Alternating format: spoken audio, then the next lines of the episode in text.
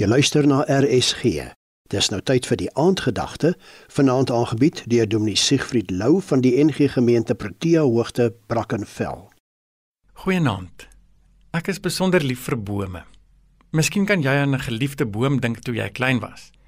My een tannie het 'n reuse wilgerboom in haar agterplaas in morgenson gehad. Daar het ons vele familiekuiers op die groen gras geniet. En wanneer die son warm en ongenaakbaar geskyn het, het die wilgerboom die lieflikste skaduwee gegee. Die tortelduwe het graag daar 'n nes gemaak of gekuier. Hierdie een enkele groot boom was 'n hele lushof vir 'n groot klomp voëls en soms ook ander diere.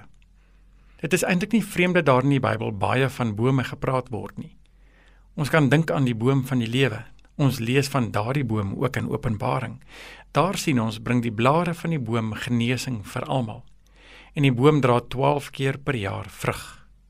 Met ander woorde, die hele tyd aan mekaar sonder tekort.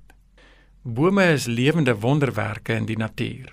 Die wortels vat die grond vas en keer erosie. Hulle omskep koolstofdioksied in suurstof. Fotosintese beteken dat sonlig vir ons in kos verander kan word. As jy lekker somervrugte kan eet, kan jy onthou dat dit van bome afkom wat sonlig in hierdie lekkernye kan verander. Psalm 1 sê: Dit gaan goed met die mens wat in die woord van die Here sy vreugde vind, dit dag en nag oordink.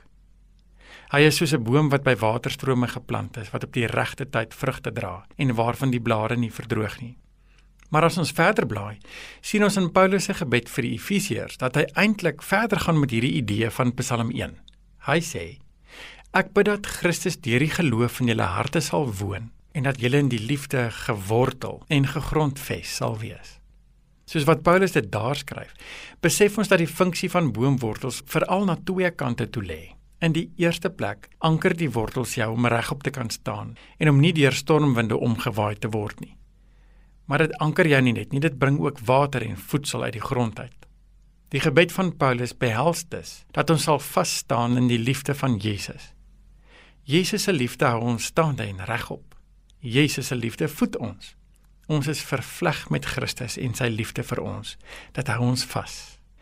Die een plek waar ons God se liefde die duidelikste kan sien, is wanneer Jesus aan die hout van 'n boom hang, aan 'n kruis. Die kruis van Christus is op 'n manier die boom van die lewe vir ons, wat ons die lewe gee en dit in oorvloed. Mag jy, wanneer jy sien hoe 'n kind in 'n boom klim of hoe 'n vink 'n nes tussen die boomtakke vleg, Mag jy dan onthou hoe God vir ons sorg en dat ons onsself net so mag tuismaak in sy liefde. Dit was die aandgedagte hier op RSG, aangebied deur Dominee Siegfried Lou van die NG Gemeente Protea Hoogte, Brackenfell.